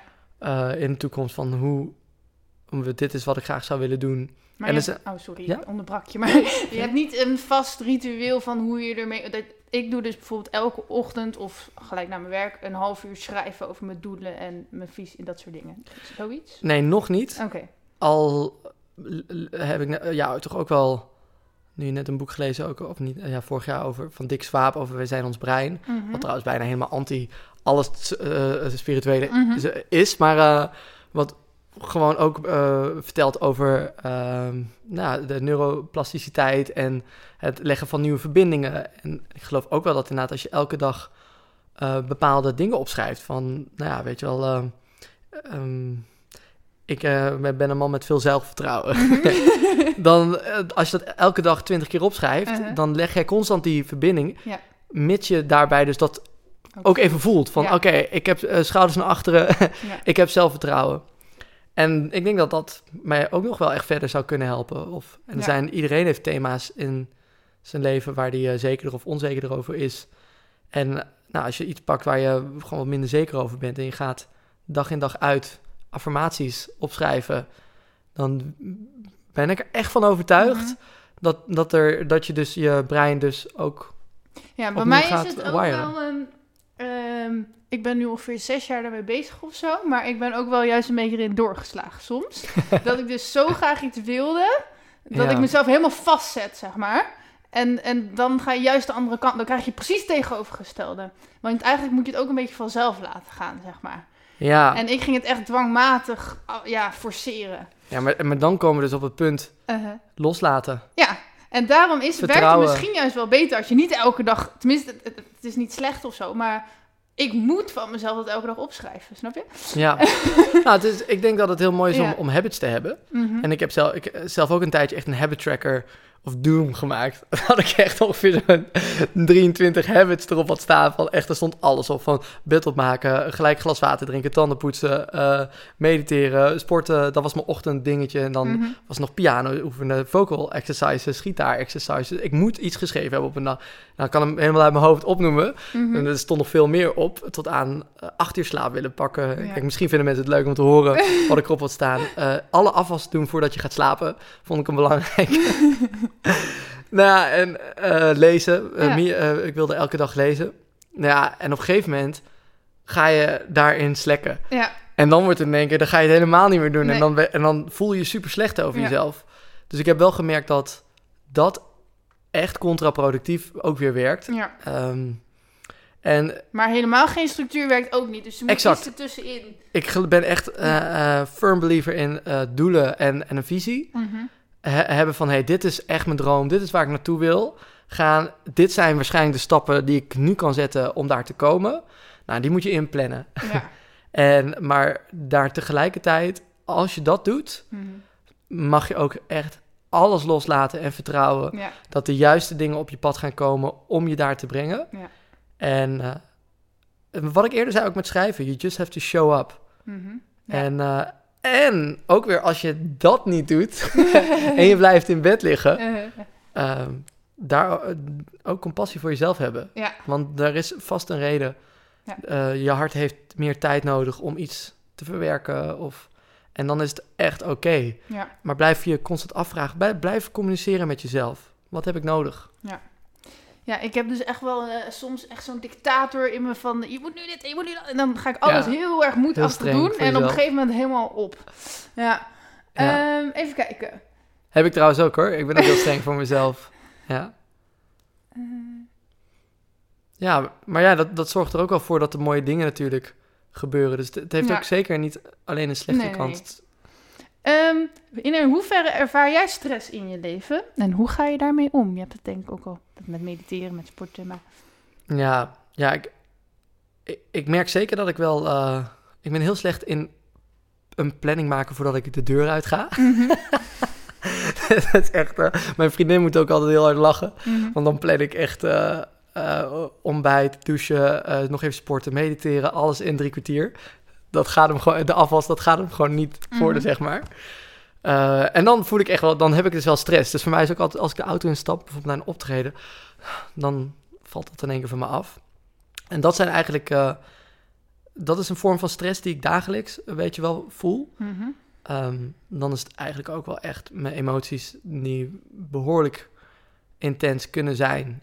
En ehm, ja, dat levert ook gewoon heel veel stress op. Eh, toen ik mijn vriendin leerde kennen, man, dat, dat maakte zoveel in me los. En ik, ik, ik heb echt een vriendin, ik vind haar echt amazing, zeg maar, in bijna alles wat ze doet. Zij is veel gestructureerder dan Mhm. ik, weet je wel. Ja, Dus dat is een aanvulling, dat is handig. ja, ja, precies. Dus het is veel geordener. Ja. En, eh, eh, maar dat zorgde er bijvoorbeeld ook voor dat ik dat als ideaal ging zien. En ik zei, ik moet ook zo gestructureerd en geordend en, eh, ik noem het eventjes, steady zijn, Mhm. zeg maar. terwijl ik ben veel meer een rollercoaster. En, eh, nou ja, en, en, en ik was gewoon zo bang niet goed genoeg te zijn. En, en dat, dat, dat ze me zou verlaten als ik niet goed genoeg zou zijn. En dat zijn dan van die angsten die zich dan als stress heel erg sterk opspelen. En, Mhm. eh, en ik kan alleen maar dankbaar zijn dat ik daar bewust van ben. Mhm. Dat ik daarna dus kan kijken wat gebeurt er eh, in mezelf. En dan een keuze kan maken van hoe, hoe ga ik daarmee om en wat kan ik daaraan doen. Ja. En vaak, nou ja, weet je wel, eh, goede gesprekken voeren met vrienden. Mhm. eh, even een wandeling maken. Be- Beet nog gewoon nog e- echt goed voor jezelf zorgen. Dat eh, draagt dan gewoon echt wel bij. Dus wel echt, ik wil toch even zeggen, tot nu toe op elk podcast interview, ik schrijf een paar vragen op. Ik ga de eerste vraag stellen. dan komt er een verhaal. En dan zijn bijna alle vragen al beantwoord, zeg maar. En dan kan ik ze zo, en dan weet ik ook nog van, oh ja, dit had ik al voorbereid. Uh, dat sluit dan helemaal aan, zeg maar. Ja. En nu, hierna kwam dus de vraag: wat vindt je vriendin? Snap je? Oh, wat grappig. ja, maar als jij dat misschien al ergens las in jouw hoofd, weet je wel, dan ving ik dat zo op. Maar het is echt, het voelt helemaal kloppend. Um, wat vindt je vriendin van je muziekcarrière, zeg maar, en, en uh, je spiritualiteit? Uh, heeft ze daar ook iets mee? Uh, ja, hoe gaat ze daarmee om? Nou, toen ik haar ontmoette, had zij dus ook heel veel van de boeken gelezen die ik had gelezen. Mm -hmm. Dat was echt een enorme verademing. Mm -hmm. Want ja, ik, ik, ik, weet nog zelf, toen ik voor het eerst ging mediteren en, en mijn ouders kwamen erachter, of, nou, vooral mijn moeder, mm -hmm. die heeft nog voor drie kwartier slappe lach over de grond gelegen rollen. Nou, wat aardig. nou ja, zij kon dat gewoon niet bedenken dat het bestond en dat haar zoon dit zou doen, uh, in kleermaken zit. um, en, uh, maar goed, nu heeft ze een aantal keren zelfs meegemediteerd en heeft ze ook yoga geprobeerd. En, en, en op een gegeven moment merkt ze toch van, wow, als het zo voor hem werkt, weet je wel, misschien zit daar iets. Ja. En uh, dus dat is trouwens heel mooi. Maar um, ja, over, uh, dus uh, mijn vriendin die was daar al een beetje mee bezig, ook mm -hmm. met mediteren, ook, ook, bewustwording. Ja, en, en die vindt het eigenlijk ook gewoon, volgens mij heel mooi ook om, om met iemand te zijn die nou toch wel heel erg met zijn hart bezig is. Mm -hmm. En uh, ja, het, uh, en eigenlijk ook gewoon wel, wel ambitie. We hebben allebei ambities. Zij ook. Ja. Ze, ze daagt me echt enorm uit. Ze, ik weet nog dat ze in het begin van de relatie daagde ze me uit 225 lunches te doen. Mm -hmm. Nou, met heel veel moeite deed ik er 230. Mm -hmm. En daarmee begon zeg maar onze strijd. En op een gegeven moment hebben we er samen duizend gedaan per been. nou, dat raad ik niemand aan. maar dat zijn wel dingetjes die... Uh, uh, dat we dus behoorlijk veel uh, gelijke raakvlakken hebben. Mooi. Dus zij support ook wel... Uh, ja, je moet ook wel amb ambitieus zijn, denk ik, als je... Nou, je moet het echt willen als je ook muzika als muzikant, mm -hmm. als kunstenaar um, iets, wil, iets wil maken en uitbrengen. Want mm -hmm. je krijgt echt buitenproportioneel vaak mm -hmm. een gesloten deur, denk ik, ja. voordat het echt begint te rollen. Mhm. En ik denk dat een, uh, die Easy Way was een... Uh... Nee, ik ga helemaal niet zeggen dat er een andere weg... Maar ik, maar ik, ik denk wel dat deze ja, je weg... mag gewoon zeggen hoor. nou ja, ik, wat ik dan denk is dat, ja. dat inderdaad als jij een, een opleiding gaat doen... Mhm. En, je, en je loopt stage en meteen na je stage loop, loop je bij... Uh, daar mag je daar werken. Ja. Dan heb je heel veel moeilijkheden niet... waar een, een, een ZZP'er... Iemand die een eigen bedrijf start, uh, wel tegenaan loopt. Ja, sowieso creatief. Mensen die iets met hun creativiteit willen, ja. die hebben het gewoon veel moeilijker in deze maatschappij. En ja. als je dan zegt dat je dat wil, dan denken mensen, oh, dus je wil alleen maar een beetje spelen. Ja, dus het is een hobby. Niet een serieus ja. persoon worden, weet je. Ja, exact. exact. Terwijl ik denk van, huh, kan, jij kan het toch ook niet of zo? Dus het is toch juist een talent? Dus, ja, ja, en, en het is echt wel uh, uh, aan de andere kant van wat zij doen, zeg maar, is, mm -hmm. is net zo uitdagend. Iedereen loopt zijn eigen pad, denk ik. Uh, Klopt. Maar ja, ik, uh, ik, ik, ik, had het wel onderschat. Ik dacht mm -hmm. dat het uh, makkelijker zou ja? zijn. en, maar aan de andere kant ben ik dus nu ook zo dankbaar dat het misschien dit allemaal op mijn pad brengt. Want dat zorgt ervoor dat je jezelf beter leert kennen. Dat je diepgang vindt in, in zo, op zoveel plekken. Mm -hmm. En ik denk dat het leven absoluut mooier is. Nou, dat past ook bij mijn persoonlijkheid, zeg maar. Ik heb een, een zus die bijvoorbeeld uh, nou, heel snel, zeg maar naar de MAVO uh, verpleegkunde ging doen. En uh, die, die geniet daar echt ontzettend van. Leer, leerde de vriend kennen, kocht een huis, huisje, boompje, beestje. En heel steady. Ja, en, die, en die kijkt soms echt naar me en denkt, wat, wat doe je jezelf aan? Ja. Weet je? en, maar ik zou me gewoon heel snel vervelen. Ja. Uh, en, voor haar, en zij wordt daar echt gelukkig van. En ik denk dat dat ook echt een hele mooie constatering is. Dat je doet toch wat, wat, wat goed voelt. Mhm. Mm -hmm. En we, we kunnen niet iemand anders uh, beweegredenen uh, bekritiseren. Want nee. iedereen heeft zo zijn reden om, om te doen wat hij doet. En ik ben nog gelukkig, sta ik nog steeds achter de keuze die ik heb gemaakt. Mm -hmm. En uh, ja, het is echt incredibly tough soms. En zeker nu met corona hebben we denk ik wel echt een van de zwaardere tijden mm -hmm. als muzikant ooit. Um, maar uh, ja, dat, dat maakt het leven wel uh, interessant. Oké. Okay. Ik kreeg opeens zo de vraag in me, wat zou jij nou tegen de Jordi zeggen eh, van toen je ooit begon aan je muziekcarrière? Zeg maar, wat zou je voor advies meegeven? Oh, dat is natuurlijk een, eh, ja, wat voor advies. Ja, zeg maar, als je toen ja. wist wat je nu weet. Ja. Ik vind, ik, vind, ik vind het altijd heel stom om, om spijt te hebben van dingen of zo. Mhm. Maar ik heb wel veel gegamed tijdens mijn... Mhm. eh, dus ik zou zeggen, probeer iets minder te gamen. Ook- nee, nee, want dat was toen. Dus dat was ook oké. En ehm, ik, ik denk... Wat ik echt zou tegen mezelf zou zeggen... Je bent uniek zoals je bent. Mhm. En blijf daarbij.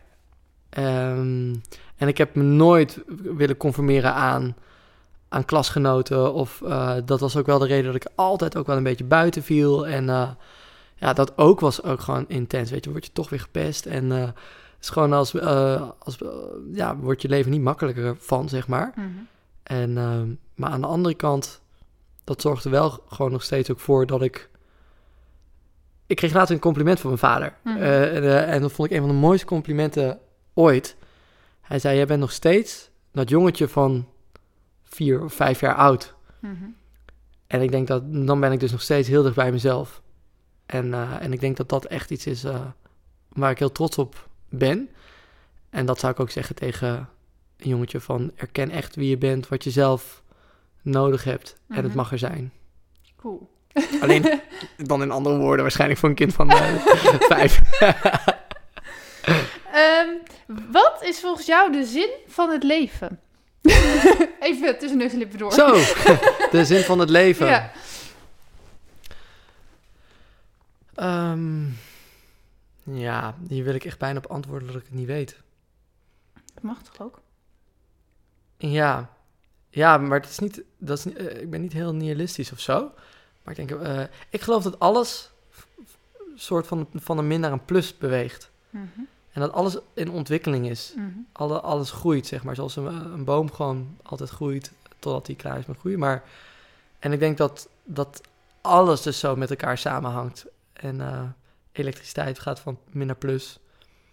En ik denk dat wij als mensheid ook aan het groeien zijn. We zijn als persoon, als individualistisch zijn we aan het groeien. Ja, ons bewustzijn is aan het groe- eh, groeit, eh, lijkt het wel. Of het nou Mhm. over klimaat is, over... Weet je wel, dus alles werkt zeg maar met een opgaande beweging. En ik denk dat dat het enige... Dat dat, that's the point. Dus de zin is groei is groei. en bloei. Groeien en bloeien, ja. Ja, Want dat is, flow komt ook van floreren. Of tenminste, Mooi. het lijkt er een beetje op. ja en, en, Mhm. en wanneer, je, wanneer je groeit en, en dus, dus naar die plus... Mhm. Dus, dus de frequentie of zo wordt misschien hoger. De, de, wordt- de- het wordt liefdevoller. Nou, misschien is dat wel een heaven state, weet je wel. Een soort hemel, eh, dat, dat, dat, op een gegeven moment eh, zijn we zo ver gegroeid... Mhm. dat, dat, dat, we, dat er zoveel liefde overblijft. Nou, dat zou ik wel eh, mooi vinden. Maar zou dan het min helemaal verdwijnen? nou, ik denk dat deze dimensie waar wij in zitten... ehm, dualistisch is Mhm. om, zeg maar, dus spiritueel te mogen groeien... Mhm. Ehm, en daarvoor heeft het dus ook echt een doel, zeg maar, die min. En eh, ja, en, en als, als we op een gegeven moment nou, misschien helemaal eh, uitgegroeid zijn, ja, dan heeft het geen doel meer. En dan mag het opgelost worden. Ja. ja. Cool. Dat is wel grappig. Ik had laatst ook een gedicht over plus en min geschreven. Ik weet niet of je dat geschreven Ah, mm, mm, mm. Ook, eh, verveel je je wel eens? En wat doe je dan? oeh. Ja, ik verveel me niet vaak. Nee, dat dacht ik al. Maar het komt wel eens voor. Ja, en dan ben ik gewoon een beetje lamlendig. Mhm. En, en het stomme is, wat ik dan ga doen, is dan toch vaak een wandeling even maken. Maar ik heb gemerkt dat dat op die momenten ook niet helpt. Het maakt me niet, dan ben ik ook echt moe in mijn benen. Ja, dus ik denk dat dat gewoon accepteren is dat je gewoon te moe bent. Of, en ehm, kan je het beste gewoon, eh, nou misschien is wandelen dan wel het allerbeste. Je bent in de natuur, je bent buiten. Je doet niet iets intensiefs. Ja. Ja, kijken waar je energie van krijgt. En als het niet krijgt, is het, eh, is het accepteren. Eh, waar ben jij onzeker over? Waar ben ik onzeker over? Ja, ik ben echt wel ook onzeker uh, dat ik dat, uh, op momenten dat ik niet met de muziek zeg maar op een plek kan komen dat ik of dat ik er wel op de plek ben, maar dat ik er Mhm. dan toch niet de voldoening uithaal dat ik denk dat ik eruit ga halen. Mhm. Het- Ik, ik ben me wel bewust dat ik echt wel eh, af en toe denk dat wanneer ik mijn band voor elkaar heb en wanneer ik dus eh, financieel zeg maar eh, minder struggles heb daarin, zeg maar dat ik, dat ik gewoon echt mijn teamleden gewoon lekker kan onderhouden. Dan, dat ik goede geluidsmannen heb, dat ik goede techniek heb, dat het dan altijd mooier gaat klinken, dat het dus dan echt beter is. Mhm. Ja, en, en volgens mij elk boek en elke, elk wijze persoon zal je zeggen ehm, dat het later niet beter is als nu, zeg maar. Nee. Focus je op het nu. Ja. Dus daar ben ik echt wel onzeker over, omdat ik ergens echt wel geloof dat het straks ook echt beter gaat zijn. Ja. Ehm, en ik weet wel ook wel dat Ed Sheeran in een interview zei van, wat vind je nou het mooiste aan de plek waar je nu bent? En hij zei gewoon, ja, dat ik alleen maar hoef op te komen dagen. Eh, hij hoeft niks meer te regelen. Nou, ik denk echt dat als je dus echt, zeg maar, eh volledig het ding kan gaan doen met toffe mensen, wat je Mhm. het liefste doet, ja, dat het dan beter is. Maar ja, wat als het dan dat dan niet is? Ja. Of dat je dan weer dat je daar dan bent en dat je dan denkt van, nou, shit, dat was Ja. hem toch niet. ja, daar ben ik onzeker over. Ja. Aan de andere kant denk ik dan ook, dan ga je iets anders doen. Ja. En eh, het triggert je misschien ook om wel weer te meer te genieten van het nu. Van dat het nu ook al mooi mag zijn. Of juist mooi bijna moet zijn. Ja. Dat moet je nooit. Maar als je het nu goed voelt, dan groeit het ook door naar het groeien natuurlijk. Ja, ja ik ben heel erg bezig met kijken waar, waar stroomt het, waar fl- floot het. Ja. Als, als, als hier iets goed voelt, dan, dan kan ik straks over tien jaar niet zeggen van... Oh, maar de weg ernaartoe was niet leuk. Nee, de Mhm. weg ernaartoe moet leuk zijn. Ja. Anders wil ik nu al iets anders gaan doen. Ja. En dat was ook de reden waarom ik echt alles ging uitschrijven... wat, ik, wat, wat, niet, wat me tegen zat in de muziekwereld en de Ja. muziekindustrie. En dat ik op een gegeven moment dan toch zo sterk voel... waarvoor ik het doe en wat ik wel leuk vind.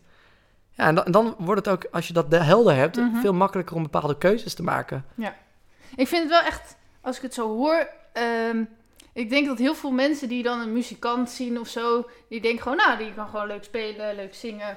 En ehm, nou, goed gedaan, weet je. maar gewoon als ik dan hoor wat er allemaal bij komt kijken, of, en ik weet het zelf natuurlijk ook wel een beetje, op een ander niveau, maar Ja. ja, ja dat vind ik wel echt knap dat je, dat je zoveel dingen ook regelt en doet, zeg maar. Je moet aan zoveel dingen tegelijk denken en met zoveel dingen tegelijk bezig zijn. Dus dat vind ik gewoon knap. Dankjewel. Tof. ja, en dat, Ja, ik maar ja, dat mensen... dat wederzijds. Ja. We- want jij organiseert de hele podcast. uh. je, je zet dat allemaal op in coronatijd. Je Mhm. bouwt een studio in je eigen eh, zolder. Dus niet alleen. wat- niet maar, alleen, eh, maar ja. eh, ja, maar je dat onderneemt wel toffe dingen. Mhm. en ik denk dat dat... Weet je, laten we nieuwe dingen blijven leren. Laten we dingen blijven ondernemen. Ja, ik denk, zolang je niet stil gaat staan... Kan, kan je eigenlijk niet zoveel verkeerd doen. nee. Ja, het was dus vooral dat ik mensen het Althans, je kan een hoop inzicht verkeerd doen. wil maar- geven van dat het, onderschat nooit wat iemand allemaal wel niet heeft gedaan om überhaupt daar al te staan. Oh, daar maar. ben ik het echt Ja, zo mee eens. Ik denk dat, dat veel mensen heel snel een oordeel klaar hebben liggen. Terwijl, nou ja, eh, ook als ze iemand goed vinden of niet goed vinden, Mhm. vooral als ze iemand niet goed vinden, nou, dan kunnen ze iemand afzeiken. Maar weet je wel, er zit zoveel achter voordat iemand zeg maar überhaupt in de spotlights komt te staan, Ja. bijvoorbeeld. eh. En ga er zelf maar staan dan. ja, en, en, en, en ook, weet je wel, ik heb wel eens ook een slecht concert gezien. Ja, Mhm. dat is van zoveel factoren afhankelijk. Eh, de, het geluid kan, niet goed, oh, eh, is, kan een keertje niet goed zijn. Ik heb John Mayer gezien op Pinkpop. Dat ik echt zat te kijken. Hij was voor de Rolling Stones en het stond zo zachtjes. En, eh, ik, en hij zat in zijn eigen wereld en, en ik vond het gewoon geen goed concert. Ik baalde ervan. En ik zag het die nacht terug op Mhm. Cultura 24 Mhm. met goed geluid. En toen was het best wel Het mooi. was fantastisch. Hij zat er helemaal in. Het staat nu nog steeds volgens mij op, eh, eh, op YouTube, dat concert. En het is een van mijn favoriete concerten van hem. Ik was daarbij, maar ik heb het gewoon niet gevoeld. En, nou, en dan kon- kan ik wel een oordeel hebben van... Ah, hij heeft zijn dag niet. Maar het ligt aan zoveel factoren. Ja. En dan inderdaad kan het ook nog zijn dat iemand een keer zijn dag niet heeft. Ja, Wat ook helemaal oké is. Maar ook iedereen neemt het weer op zijn eigen manier waar, inderdaad. Iedereen neemt het alles op zijn eigen manier waar. Ja. Maar alles is de eigen projectie. Uh, Dat is, zo, dat, is, dat is echt ook iets wat... Ik kan onzeker zijn ook over mijn liedjes of mijn eigen muziek of wat... Maar, maar het is echt een waste of energy, weet je wel. Eh, want als iemand een mening daarover heeft... Het is altijd zijn eigen projectie, zijn Ja. eigen gevoel. En, en dat heeft, hij heeft vrij weinig met, met, met Ja. jouw muziek te maken. tenzij je, weet ik veel, ehm, bewust iemand aan het eh, be- beledigen bent op het podium, zo ik roep maar iets. Maar dat je echt kwaad wil doen of zo. Ja, Maar anders, als je feedback krijgt, dan zegt dat meer over die persoon dan over... heel vaak wel. Ja. Ja, en dat, dat, het is belangrijk om, om in je inner circle wel een paar mensen te hebben die je echt goed kennen. En die echt kunnen zeggen van, hé, maar dat kan misschien beter. Of, hé, check dit. ja, je moet wel naar jezelf blijven kijken. Ah, absoluut. Ja, ja, ja. En, en het is heel, ik denk dat het heel gezond is. Maar eh, eh, zeker ook, zeg maar, eh, relativeren wat sommige mensen kunnen roepen. Mhm. Eh, ik denk dat dat wel gezond is. Ja. Ehm, wat heb je voor boodschap aan... Dus we gaan een beetje afronden, zeg maar. Ja. Wat heb je voor boodschap aan de mensen die het luisteren? Oh, nou, ten voor een soort van eerste levensles, zeg maar. hoop ik dat ze er ontzettend van genoten hebben.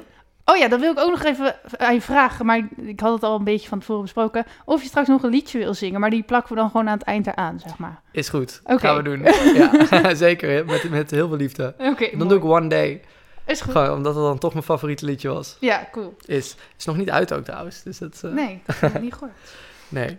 Maar goed, de boodschap aan de mensen thuis. Boodschap. Boodschap. ja. ehm, ik heb het uit een boek van Oprah Winfrey. Mhm. En eh, die heeft een boekje geschreven, What I Know For Sure. Sowieso Mhm. echt een hele grote aanrader. Zeker ook om te luisteren. Eh, want dan vertelt Oprah Winfrey het zelf. Maar ze zegt op een gegeven moment... Ik zei overal ja tegen, zei, zegt ze dan. En op een gegeven moment eh, zat ze echt in een spagaat met iets. En eh, werden dingen die ze zelf echt leuk vo- vonden gecompromised. eh. En ze zegt op een gegeven moment... Daarna ben ik alleen nog maar ja gaan zeggen... als mijn brein, mijn hart en mijn buik ja zegt. En ik denk dat dat mij extreem helpt. En dat zorgt er echt voor om bij mijn gevoel te blijven. En ik hoop dat dat voor andere mensen het ook mag doen. Mhm. Dan ga ik nooit meer mijn administratie doen. Ja, dan moet je dat misschien eh, uit eh, besteden. Hou je meer energie over voor dingen die je leuk vindt. Ja. Nee, maar ik, ik- vooral carrière choices. En eh, nou, ik heb echt bijvoorbeeld in, ehm, in deze ehm corona-pandemie echt wel momenten gehad dat, ik- dat ik dacht, moet ik nu niet echt even een andere baan gaan zoeken? En dat ik dacht, nee, ik ben echt, ik plan al mijn tijd wijs in. Ik ben volop mijn stem aan het ontwikkelen, liedjes aan het schrijven. Dus ik, ben, ik was eigenlijk knijterhard aan het werk, maar er kwam geen inkomen voor binnen. Ja, mijn hoofd zei echt op een gegeven moment wel van... Oké, nu moet je echt een baan gaan vinden. En mijn hart blijft ze- zeggen van... Nee, die tijd die je nu investeert, die is zo waardevol. En die ga je later terug Ja. eh, ehm, verdienen. En dan ga je blij zijn dat je nu die tijd zo hebt besteed. Ondanks dat je wel stress had. Dat er geen inkomen binnenkomt. eh. Ja. Ik kan die stress niet zo goed aan. Nee, nee. En ik denk dat ik hem verder heb uitgespeeld dan de meeste mensen hem zouden doen, denk ik. maar eh, Moet ja. je zo nog een bordje eten geven? nee, ja, en, en ook daar ben ik dan weer ben ik heel blij om. En, en dat past dan ook gewoon weer bij me. En ehm, ja, en, en nu kwam er iets heel moois op een pad. ehm, dat eh, eh, ik misschien weer in Amsterdam ga wonen. Ja, en, en, en dat lijkt precies weer op het goede moment te komen. En, en dat is voor een, bedrag wat ik ja, eigenlijk net, net niet kan betalen. Nou, en wat doet dat nu met mij? Dan denk ik, oké, ik ga alles op alles in werking zetten... om, om misschien iets aan te trekken of een, een baan te vinden daar... dat ik dat wel kan betalen. Want het zal aan Oosterpark zijn. Eh, nou, ik heb zeven jaar in Amsterdam gewoond. Nou, en ik, ik, eh, ik denk dat dat zeg maar... eh, mijn hart zei ja. Mhm. Nou, als mijn hoofd zegt wel even van... Oeh, gevaarlijke keus. maar, maar zodra je echt voelt met iets... ik moet naar Amsterdam gaan, dan doe ik dat. En dan geloof ik dat je daarna een oplossing gaat vinden. Ja. En dat dingen eh, op je pad gaan komen... waardoor die dat dan mogelijk maken. En dat is vertrouwen. ja, dat heb ik niet zo vaak. maar goed, dat, dat eh, mag groeien bij mij. Mooi. Ehm, ja, nog twee vragen. Eén, dat is trouwens helemaal geen korte vraag. Ehm, hoe wil je dat mensen je herinneren als je bent overleden? Ehm, ja, daar denk ik wel eens over na. Ehm, ik denk als iemand die ontzettend veel mooie dingen heeft ge- gecreëerd eh, voor anderen, die mensen heeft mogen inspireren, dus echt meer, beter naar het hart te luisteren en eh,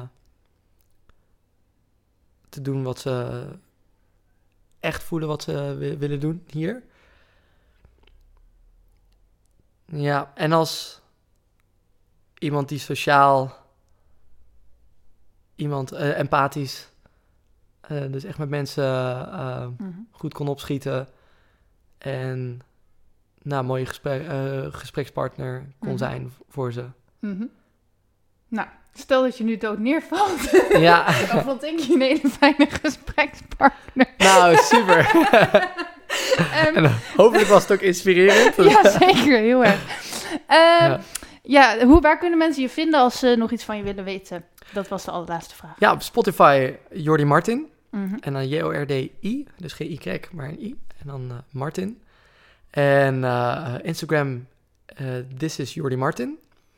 En nou, op de eh, eh, jordimartinmusic.com eh, tot aan Facebook. Ja. Slash Jordi Martin. YouTube, ik heb echt een eh, heel tof YouTube kanaal waar ik heel veel eh, nou, eh, eigen songs eh, op heb staan. En eh, ook covers En hoe heet die? speel. Dat is ook eh, Jordi Martin Music, volgens mij. Hoop Eh, ik. eh. YouTube.com slash Jordi Martin. Ja, dat was hem. Eh, Ik had gewoon mazzel. Het was gewoon youtube.com slash Jordi Martin. Oké, cool. Ja, En als je nu dus nog even blijft luisteren, dan horen we ook nog een liedje van jou. zeker. Bedankt voor het luisteren. Dankjewel dat ik er mocht zijn. Ja. One day.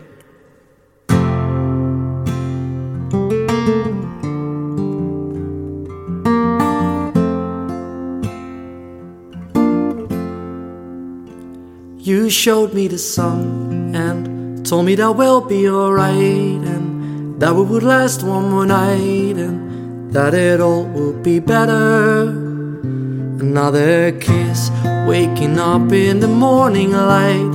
I feel your lips, but they're chapped and dry. You fake a smile to spark some laughter. But one day I will look up, it's a new day. Telling myself I've grown stronger, or I have grown stronger. New ways, my eyes open wide, catching new rays of sunlight, and it'll be over. Yeah, it'll be over. One day. Rolling over to my side, the distance is killing me. Cold as ice, you've got a hold on me until we finally reach the morning. But then that smile, oh, it suddenly reappears. Yeah, you'll be sorry for all those tears, and I can't hide the love I'm feeling. So one day I will look up, it's a new day, telling myself I've grown stronger. Oh, I have grown stronger. My eyes open wide, catching new rays of sunlight, and it'll be over. Oh, it'll be over. Yeah, one day. Oh, I don't know what the future will hold. And I don't know if I ever get over you. I just know that I had to let go, hoping one day we'll get through. You showed me the sun and told me that we'll be alright, and that we would last one more night, and that it all will be better. Now I've moved on, Looking back after all those tears, my heart's still wandering throughout the years. Did we belong together?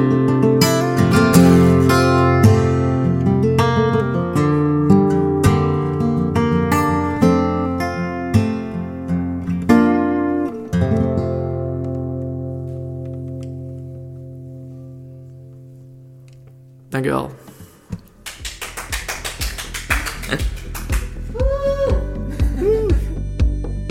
Meer weten?